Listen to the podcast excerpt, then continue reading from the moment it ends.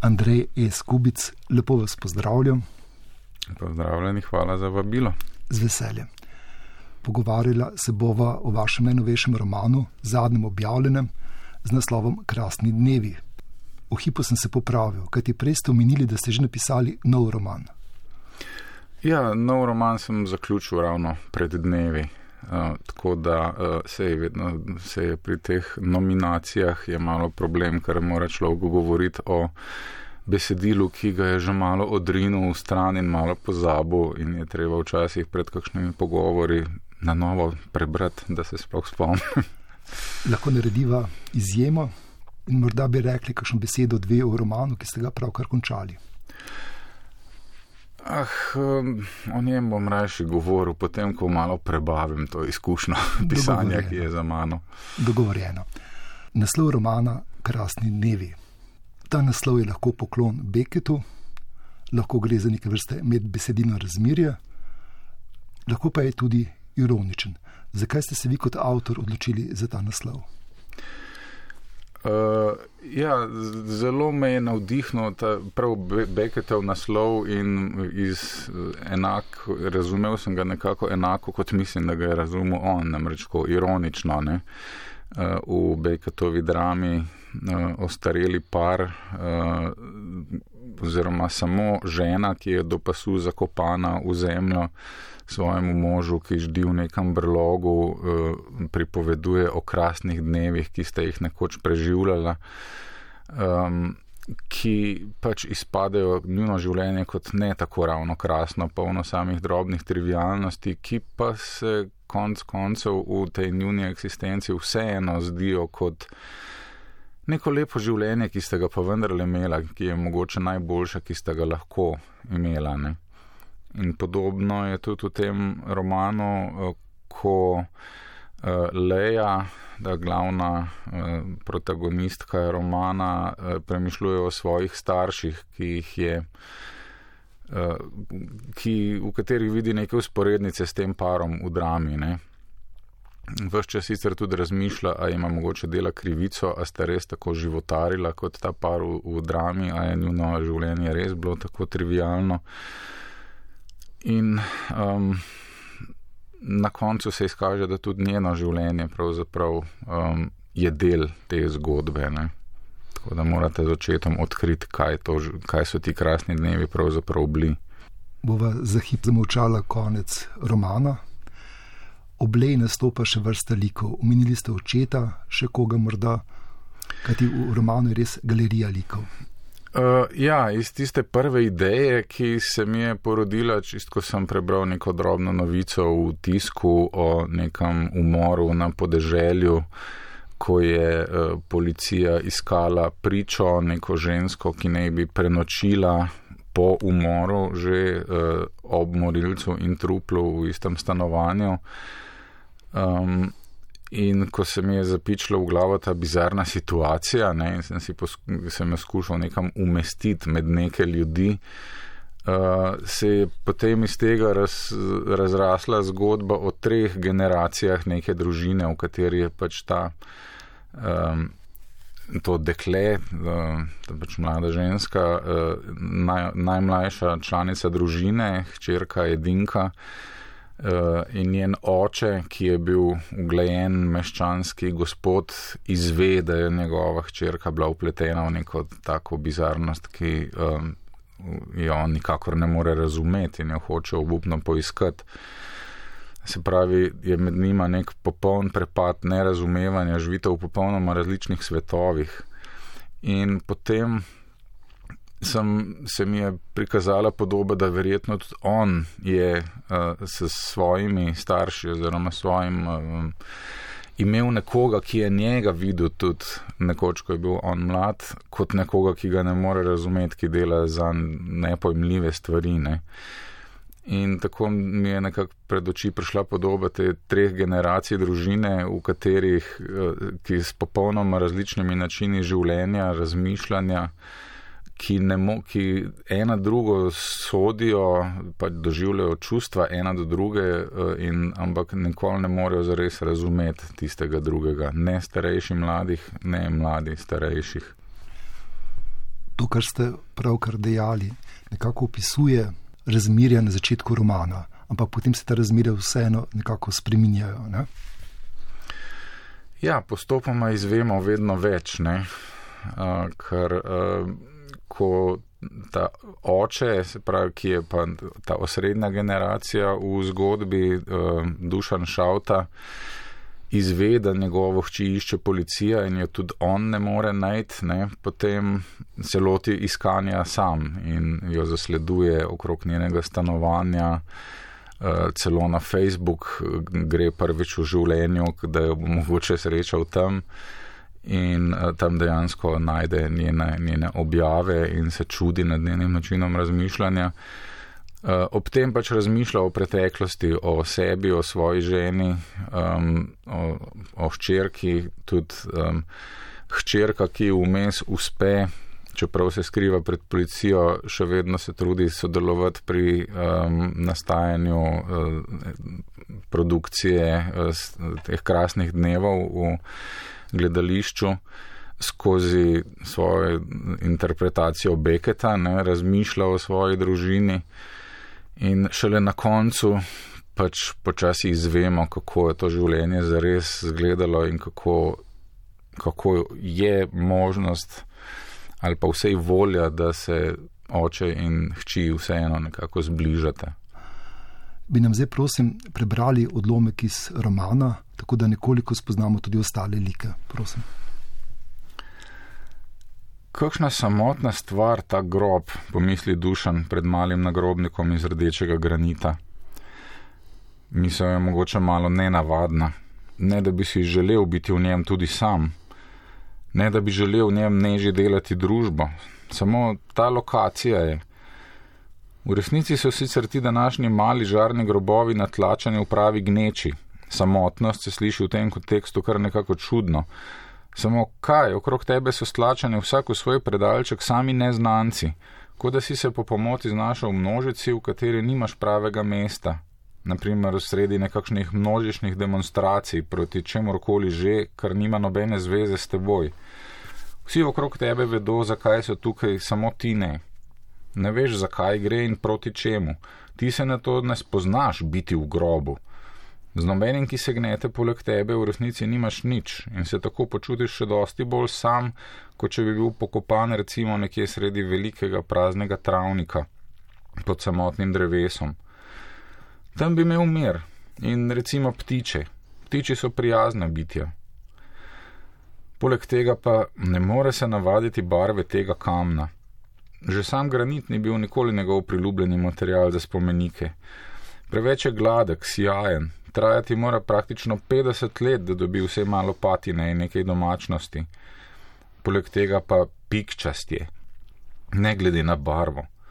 Ta pa je v tem primeru še rdečka s sivkastimi in svetlimi pikicami.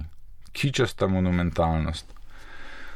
Ampak popustil je pač pred lejnim argumentom. Razen tega, Leja gre za svojo stvar naprej kot buldožer, v tem je podobna neži. Jaz sem tista, ki ga bom morala najdel gledati, je rekla. In tudi jaz bom verjetno nekoč morala ležati pod njim, ne samo ti. Pa mami bi bil zelo všeč, to ti lahko garantiram. Se pravi, sva dve proti enemu. Šaute se je po naravi bolj nagibal k nagrobnikom iz klasičnega marmorja, ampak bilo je zapleteno. Mogoče je Leja res vedela o neženem okusu več kot on, čeprav je bil on z njo dlje. Kaj se ve, to je nekaj med mamami in hčerami, med ženskami nasploh. On se je zmeraj bal kupovati neže stvari, ni vedel, če ji bodo všeč ali ne. In njen argument, koliko časa bo morala na grobne gledati, je imel neko težo. Tako ali tako je bil v tistem času dovolj presunjen že zaradi samega zavedanja, da je napočil tisti dolgo pričakovani trenutek, ko bo pač treba dati delati nov grob, ki bo, ja, nekoč menda tudi njegov, kot da spet zidaš nov dom. Kajti v starega družinskega šavtovega v Šenčurju pač ravno ne bi sodila ne neža, ne on. Neža bi šla rajši na večni počitek na mestno deponijo, kot pa skupaj z Marjanom šavta. Marjan jo je strupenom pogledal že v prvem trenutku, ko jo je dušan pripeljal predstaviti.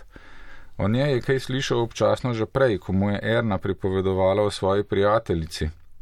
Že takrat je imel kaj pripomniti, ko je rekla, da ima prijateljico iz Zasavja, čež da so tam doma sami mat kurbe.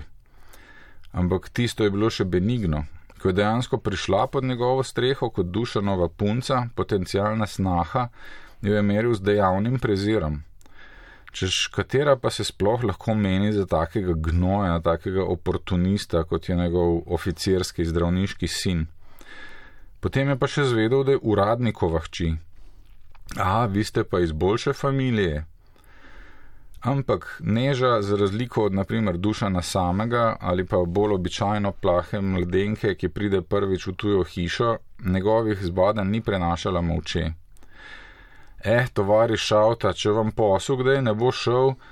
In to je bila zelo strupena pripomba, ker je vedela, da Marjan že leta ne more dobiti službe, razen da kdaj pomaga pri kakšnem prijatelju, teh pa je bilo bolj malo. Vam pa lahko moj fotor zrihta, da greste v štulnec in pred. Bi bili fajn za med knape, ko ste tako suhi, da se lahko skozi vsak rov stisnete in Dušanu je tako neznansko imponiralo, da se mu je kdo pripravljen tako postaviti po robu, da je dokončno sklenil: Te ženske ne smem izpustiti iz rok. In konec koncev v tistem grobu ne bi maral biti niti on. Sej zatjem niti govorila nista, vse od tistega zadnjega obračuna, dve leti pred njegovim pogrebom, ko mu je povedal vse, kar mu je šlo in ni občutil prav nobene želje, da bi se mu po smrti pridružil v večnem kompanjonstvu pod istim starim marmornim kamnom. Bilo bi licemersko. Če bi verjel v posmrtno ustajenje, bi ga bilo groza, da bi se na sodni dan prebudila skupaj in mi gate prebodel s tistim svojim strupenim pogledom, ki bi ga bilo teže prenesti kot goreče oči samega Boga. O, poglej si ga no, koga pa imamo tukaj, Kje si pa bil ti vmes, a si v vicah hudičem red lizal? Andrej E. Skubic, hvala, ker ste nam prebrali odlomki svojega romana Krasni dnevi.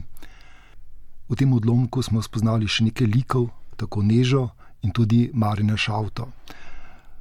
Tisto, kar je zanimivo v vašem romanu, je tudi to, da pravzaprav nekako postavite neko situacijo, ustvarite nek vides in potem raziskujete to situacijo, ta vides in vides situacijo počasi sprevračate, razvijete v neko novo, mogoče tudi nekoliko presenetljivo smer.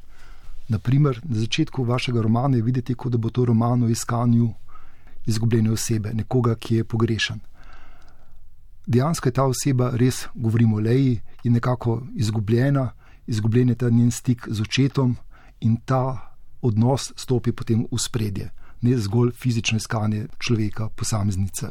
In zanimivo je, da podobno opisujete tudi usode teh likov, ki ste jih pravkar omenili. Naprimer, Marjan Šauta. Kako ga postavite prvič v roman, kako se razvija ta njegova človeška usoda v vašem romanu? Ja, pri moje pisanje ponavadi vedno nastaja nekako tako. Ne? Najdem pač nek detajl, ki me zelo zanima potem pa me razmišljanje o tem detajlu, kako je umeščen med ljudi, pripelje do nekih popolnoma drugih tem in drugih področji, v katerih je ta situacija samo neko sprožilo. Ne. Prvo stvar, ki sem jo moral raziskati, pač najprej je, se je tej leji pridružil še njen oče. Potem se je razvila situacija, v kateri je on živel s svojo ženo, ki je pokojna in jo hodi obiskovati na grob in razmišlja o tem, kako je pravzaprav, kakšna je bila njegova vloga pri njeni smrti, zakaj on kot zdravnik ni sam dovolj zgodaj opazil uh, njene demence, ki se je začela pojavljati. In potem, ko sem imel že pred očmi ta par, ne, moža in ženo, se je pojavil še Marjan Šauta, ta strašna, uh, strašna figura iz preteklosti, uh, goreč revolucionar. Um, pač v, v partizanih komisar, ki je po vojni zaradi svoje načelnosti in brezkompromisnosti končal tudi na golem otoku in je tako uh, moralno brezkompromisnost pričakoval oziroma zahteval tudi od svojega sina, ki pa je seveda ni bil sposoben. Tako sem pravzaprav prišel potem do tiste vodilne teme, ki um, je na koncu uh, se postavila kot nekaj, kar moram prikazati. Ne. To podobo ponavljanja zgodovine, kot je rekel Marx, ne prvič kot tragedija, naslednjič kot farsa. Uh, pač Marjan Šauta, dušanov oče, je živel v časih, ko so ljudje zares umirali in zares trpeli za svoje ideale in uh, je bila njihova pokončnost na preizkušnji. Uh, Dušan pa se mu je pravzaprav uprl s tem, da se je rajši posvetil konformističnemu družinskemu življenju. V uh, ženi Neži je takrat najdel zaveznico, ki mu je pač uh, bila, pri, bila pripravljena sodelovati pri tem idealu neke družine, um, uspešne uh, družine, tega pač socialističnega meščanstva. Um, In potem pridemo do Leje, ki pa je videla svoje starša kot eh, neka zaležana, dolgočasna, malomeščana, prezira vredna. Um, sama pa je pač bila upornica v, smil, v smislu pač sodobnih subkultur, kjer pravzaprav izražaš svoj, svoj upor ali pa nek nadomestek za neko pokončnost s tem, da si izbereš kakšne čevlje, boš nosil in kakšno jakno obleko da boš drugačen od drugih. Ne. Ko oblika postane zjava. Ne? Ja. In potem, ko živi tako zelo lahkotno, uporniško, eh, po njenem mnenju, zelo samo svoje eh, emancipirano življenje, niti ne opazi, kako daleč lahko sežejo vplivi njenega obnašanja, kako lahko njeno obnašanje, ki se zdi njej kot igra, pripelje do tragedije, v kateri se potem znajde, ne? ko končno pridemo do tistega umora, ki je bil meni prvotna inspiracija, um, iz katere so zrasli potem vsi ti liki. Predstavili ste nam junake iz treh različnih generacij v kolikšni miri so ti vaši junaki, junakinje srečni? Ja, pravzaprav skozi zgodbo vsi razmišljajo ravno o tem, koliko so pravzaprav srečni, koliko so bili srečni. Ne? Uh, še najbolj dušen šavta, ki je pač v času dogajanja te zgodbe v domu za ostarele, uh, kjer so zbrani ljudje, ki so pač že preživeli svoje najboljše leta, nekako povzemajo svoje življenje in dokazujejo sebi in drug drugemu, da vseeno pa še ni konc, da vseeno pa je pač njihovo življenje še vedno lahko zanimivo, je lahko pomembno. In on se predvsej časa obtožuje za svoje ravnanje, kaj vse je šlo na robe, mogoče v njegovem odnosu z ženo, pa tudi očitno v odnosu do hčerke, če je ona pač se znašla v taki čudni situaciji in se potem zdaj še skriva pred njim, da se noče pogovoriti z njim. Mogoče neka pomiritev, ne, neka sprava pride na koncu, ki spet ga pač nočemo ravno preveč izdati. Je pa lep konec. Ja, sred, lahko pač to povemo, da se s hčerko najdete in imate hudo razčiščevanje.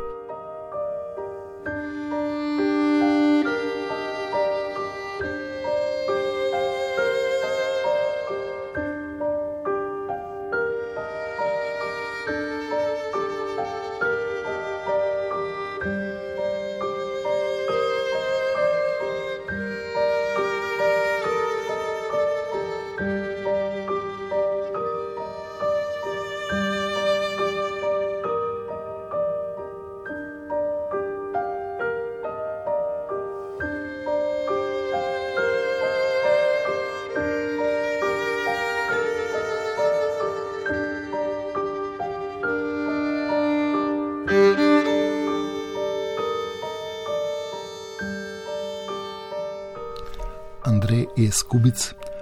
Pogovarjava se o vašem romanu z naslovom Krasni dnevi.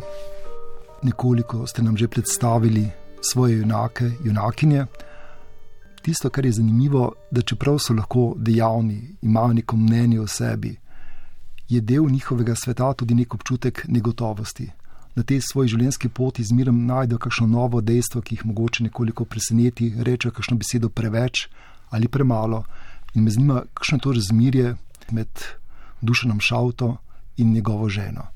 Kakšna je njuna ljubezen? Dušan Šavta v teh svojih razmišljanjih, ki jih je pač vrglo iz tira, to doživetje z lejo, zaradi katerega potem vse postane za negotovo in, in um, se začne preizpraševati, kako je v resnici bilo. On je vse čas imel občutek, da se mu je uspelo imeti kar lepo življenje, ustvaril si je dom, imel fajn ženo, muči ga predvsem to, da je mogoče se preveč oddaljil od nje, um, mogoče zaradi njene avtoritativnosti, um, ki mu je na začetku bila zelo všeč, pozneje v odnosu pa je začel dobivati občutek, da mogoče tudi njega. Eh, terorizira, kar je bil pa precej tak plah, negotov mladenič. In se je toliko odmaknil od nje, da je uh, zaradi tega prezrl zgodnje simptome njene bolezni, za katero je potem na koncu tudi umrla. Se upravičujem, v romanu pišete o vrsti hudih bolezni, zelo natančno, zelo podrobno. In to ni edina zastranitev tega tipa kjer pravzaprav neko pripovedno linijo razširite v neke stranske mikrosvetove. Ja, to je bilo zelo pomembno za, um, za razmerje eh, duša našavte z ženo in tudi, kar mu tudi Leja, hčerka, vaš čas očita, kako je pravzaprav jo pustil samo, kako ji ni pomagal, kako ni bil ob nje, on, uh, on pa sam sebi v glavi uh, dokazuje, da, oziroma opravičuje, zakaj je tako ravnal, ker demenca je pač taka bolezen, v kateri te začne ta bolnik zapuščati sam počasi, ker te več ne prepoznava, ker postaja drug človek. Uh, ampak tisto, kjer se najbolj izkaže, da je v resnici imel strašansko rad, kljub temu, kljub vsej tisti svoji oddaljenosti, je prav v tem, ko um, najde, ko je šla ona že v uh, dom za ostarele kot dementna, uh, najde doma zvezek, uh, ki ima na platnicah napisano za dušana, ko mene več ne bo, v katerega je ona očitno pisala neke stvari, ki mu jih ni znala nikoli povedati, ampak je pa hotla jih vseeno dati sebe in imeti občutek, da nekoč jih bo pa on le zvedel. In on noče tega zvezka odpreti, čeprav um, je na začetku zaradi tega, ker je ona vendarle še živa, čeprav je že zaradi bolezni uh, se je zdelo, kot da to sploh ni več ona. Ne. Ampak celo potem, ko že res umre in ko je ona obiskuje na grobu, še vedno noče odpreti tistega zvezka ne, in le ji pove, da uh, če bom to odprl, potem je pa res več ne bo. Ne. In da ni treba, da je ne bi bilo. Ne. Vaš roman je kompleksna galerija človeških usod, hkrati pa je tudi zelo pretanjeno napisan. Zanima me razmere med uporabo sedanjika in preteklika. Kako ste se odločili, kateri prizori bodo v sedanjiku, kateri v pretekliku? Ja, tisti, ki se dogajajo v preteklosti, tisti so v pretekliku. Uh, kadar pač pripovedujete o um, tem, kar je bilo, kadar razmišljate o, o tem, kar je bilo, je zgodba v pretekliku razen takrat, kadar je pač potreben malo dramatični sedanjik, kadar uh, postane, ko se človek tudi taki premišljuje o teh dogodkih, popolnoma preseli v tisti čas in, jih, na novo, ja, in jih na novo podoživi. Ne. Kaj pa govorne lege, kako se odločate za njih? Ja, jaz sem zdaj začel v teh eh, zadnjih romanih eh, precej manj se ukvarjati z, z tem živim jezikom, katerem, po katerem so me tako radi spraševali ali ga komentirali v mojih prvih romanih, uh, ko sem prvič uporabil besedo sociolekti in se je potem ta nenehno pojavljala v vseh um, pogovorih. Uh, zdaj pač iščem samo čim bolj intimni jezik teh likov, ki govorijo v dani situaciji, kot govorijo. Ker prav to je moj občutek, ne, da ste se zelo približali tem likom, tako z uporabo sedanjika, kot tudi s to govorico, ki je ne neutralna, ampak manj izrazita kot nekoč. Ja, še vedno pač vsak od njih govori v svojem lastnem jeziku. Ne? Dušan, ki je tak novo pečeni meščan oziroma prva generacija izobražencev, ima zelo rad tiste stare intelektualske tujke, kot v tem odlomku, kako mu je imponiralo nekaj ali pa kako je kdo prosperiral in tako naprej. Uh, Leja pa pač je generacija tam iz 80-ih, 90-ih let, iz pankovskih in uh, novovalovskih subkultur, ki živi v tistem svetu. Um, moram nekako začutiti tiste ljudi ne, in jih na nekom modelirati, da, da se spomnim, kako kdo govori in kaj, ker ta jezik vseeno nekako res izraža njegovo miselnost, njegov način razmišljanja ste svoje like tudi videli v glavi, v mislih? Približno, ja. Tokrat mogoče ne tako zelo kot pri kakšnem drugem romanu, kjer sem si prav določene slike uh, imel zraven za opomnik, da sem točno vedel. Ampak vse za lejo sem si kar predstavljal, kako zgleda. Vaši junaki, junakinje se nekako iščejo in tudi najdejo in najdejo tudi neko bližino kako pa ste vi kot avtor iskali ta svoj občutek gotovosti, kdaj ste res vedeli, da so ti junaki takšni, kot so v redu? Ja, to je težko zares vedeti. No? Najbolj takrat, kadar zares oni spregovorijo s svojim jezikom, ne? ki, um, ki um, potem se tudi jaz laže uživim v njih, ko enkrat poznam ta njihov jezik in vem že to, kako postavljajo vejce, kakšne kako jim teče njihove misli. Um, sam pač hkrati je treba pa m, vedeti pri vseh teh likih, da, da oni nikoli niso zares iskreni. Um, oziroma, vse se predstavljajo se kot iskreni, ampak ni jim treba nujno vsega verjeti, da je res bilo vse tako, kot oni pripovedujejo. Ne? In se šele iz te medigre situacije kako je kdo videl, kako je kdo drug reagiral, lahko vidi, da mogoče njihovo ravnanje vse ni bilo tako krasno ali kakršno koli pač ne, kot ga oni hočejo predstaviti. Ne. V toku pripovedi. Ne? Ja. Tako. Andrej S. Kubic, zdaj ste nam povedali, kako ste snovali te svoje like, kako ste jih nekako odkrivali, videli pred sabo v nekem trenutku. Kaj pa ta posem pisateljski užitek? Kje je bil največji? Uf, vse je težko govoriti o užitku, da skratka tudi trpljenje. Lahko tudi v trpljenju.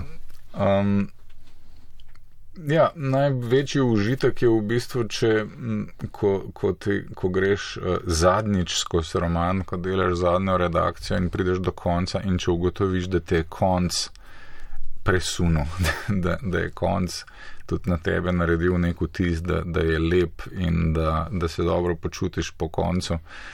Um, to je največji dosežek, ne? ki pač ne pride vedno, ne, ne zgodi se to pri vsakem romanu, um, pri tem se to nekako je. Andrej E. Skubic, hvala za vaš roman Krasni dnevi in hvala za pogovor. Ja, hvala za vabilo.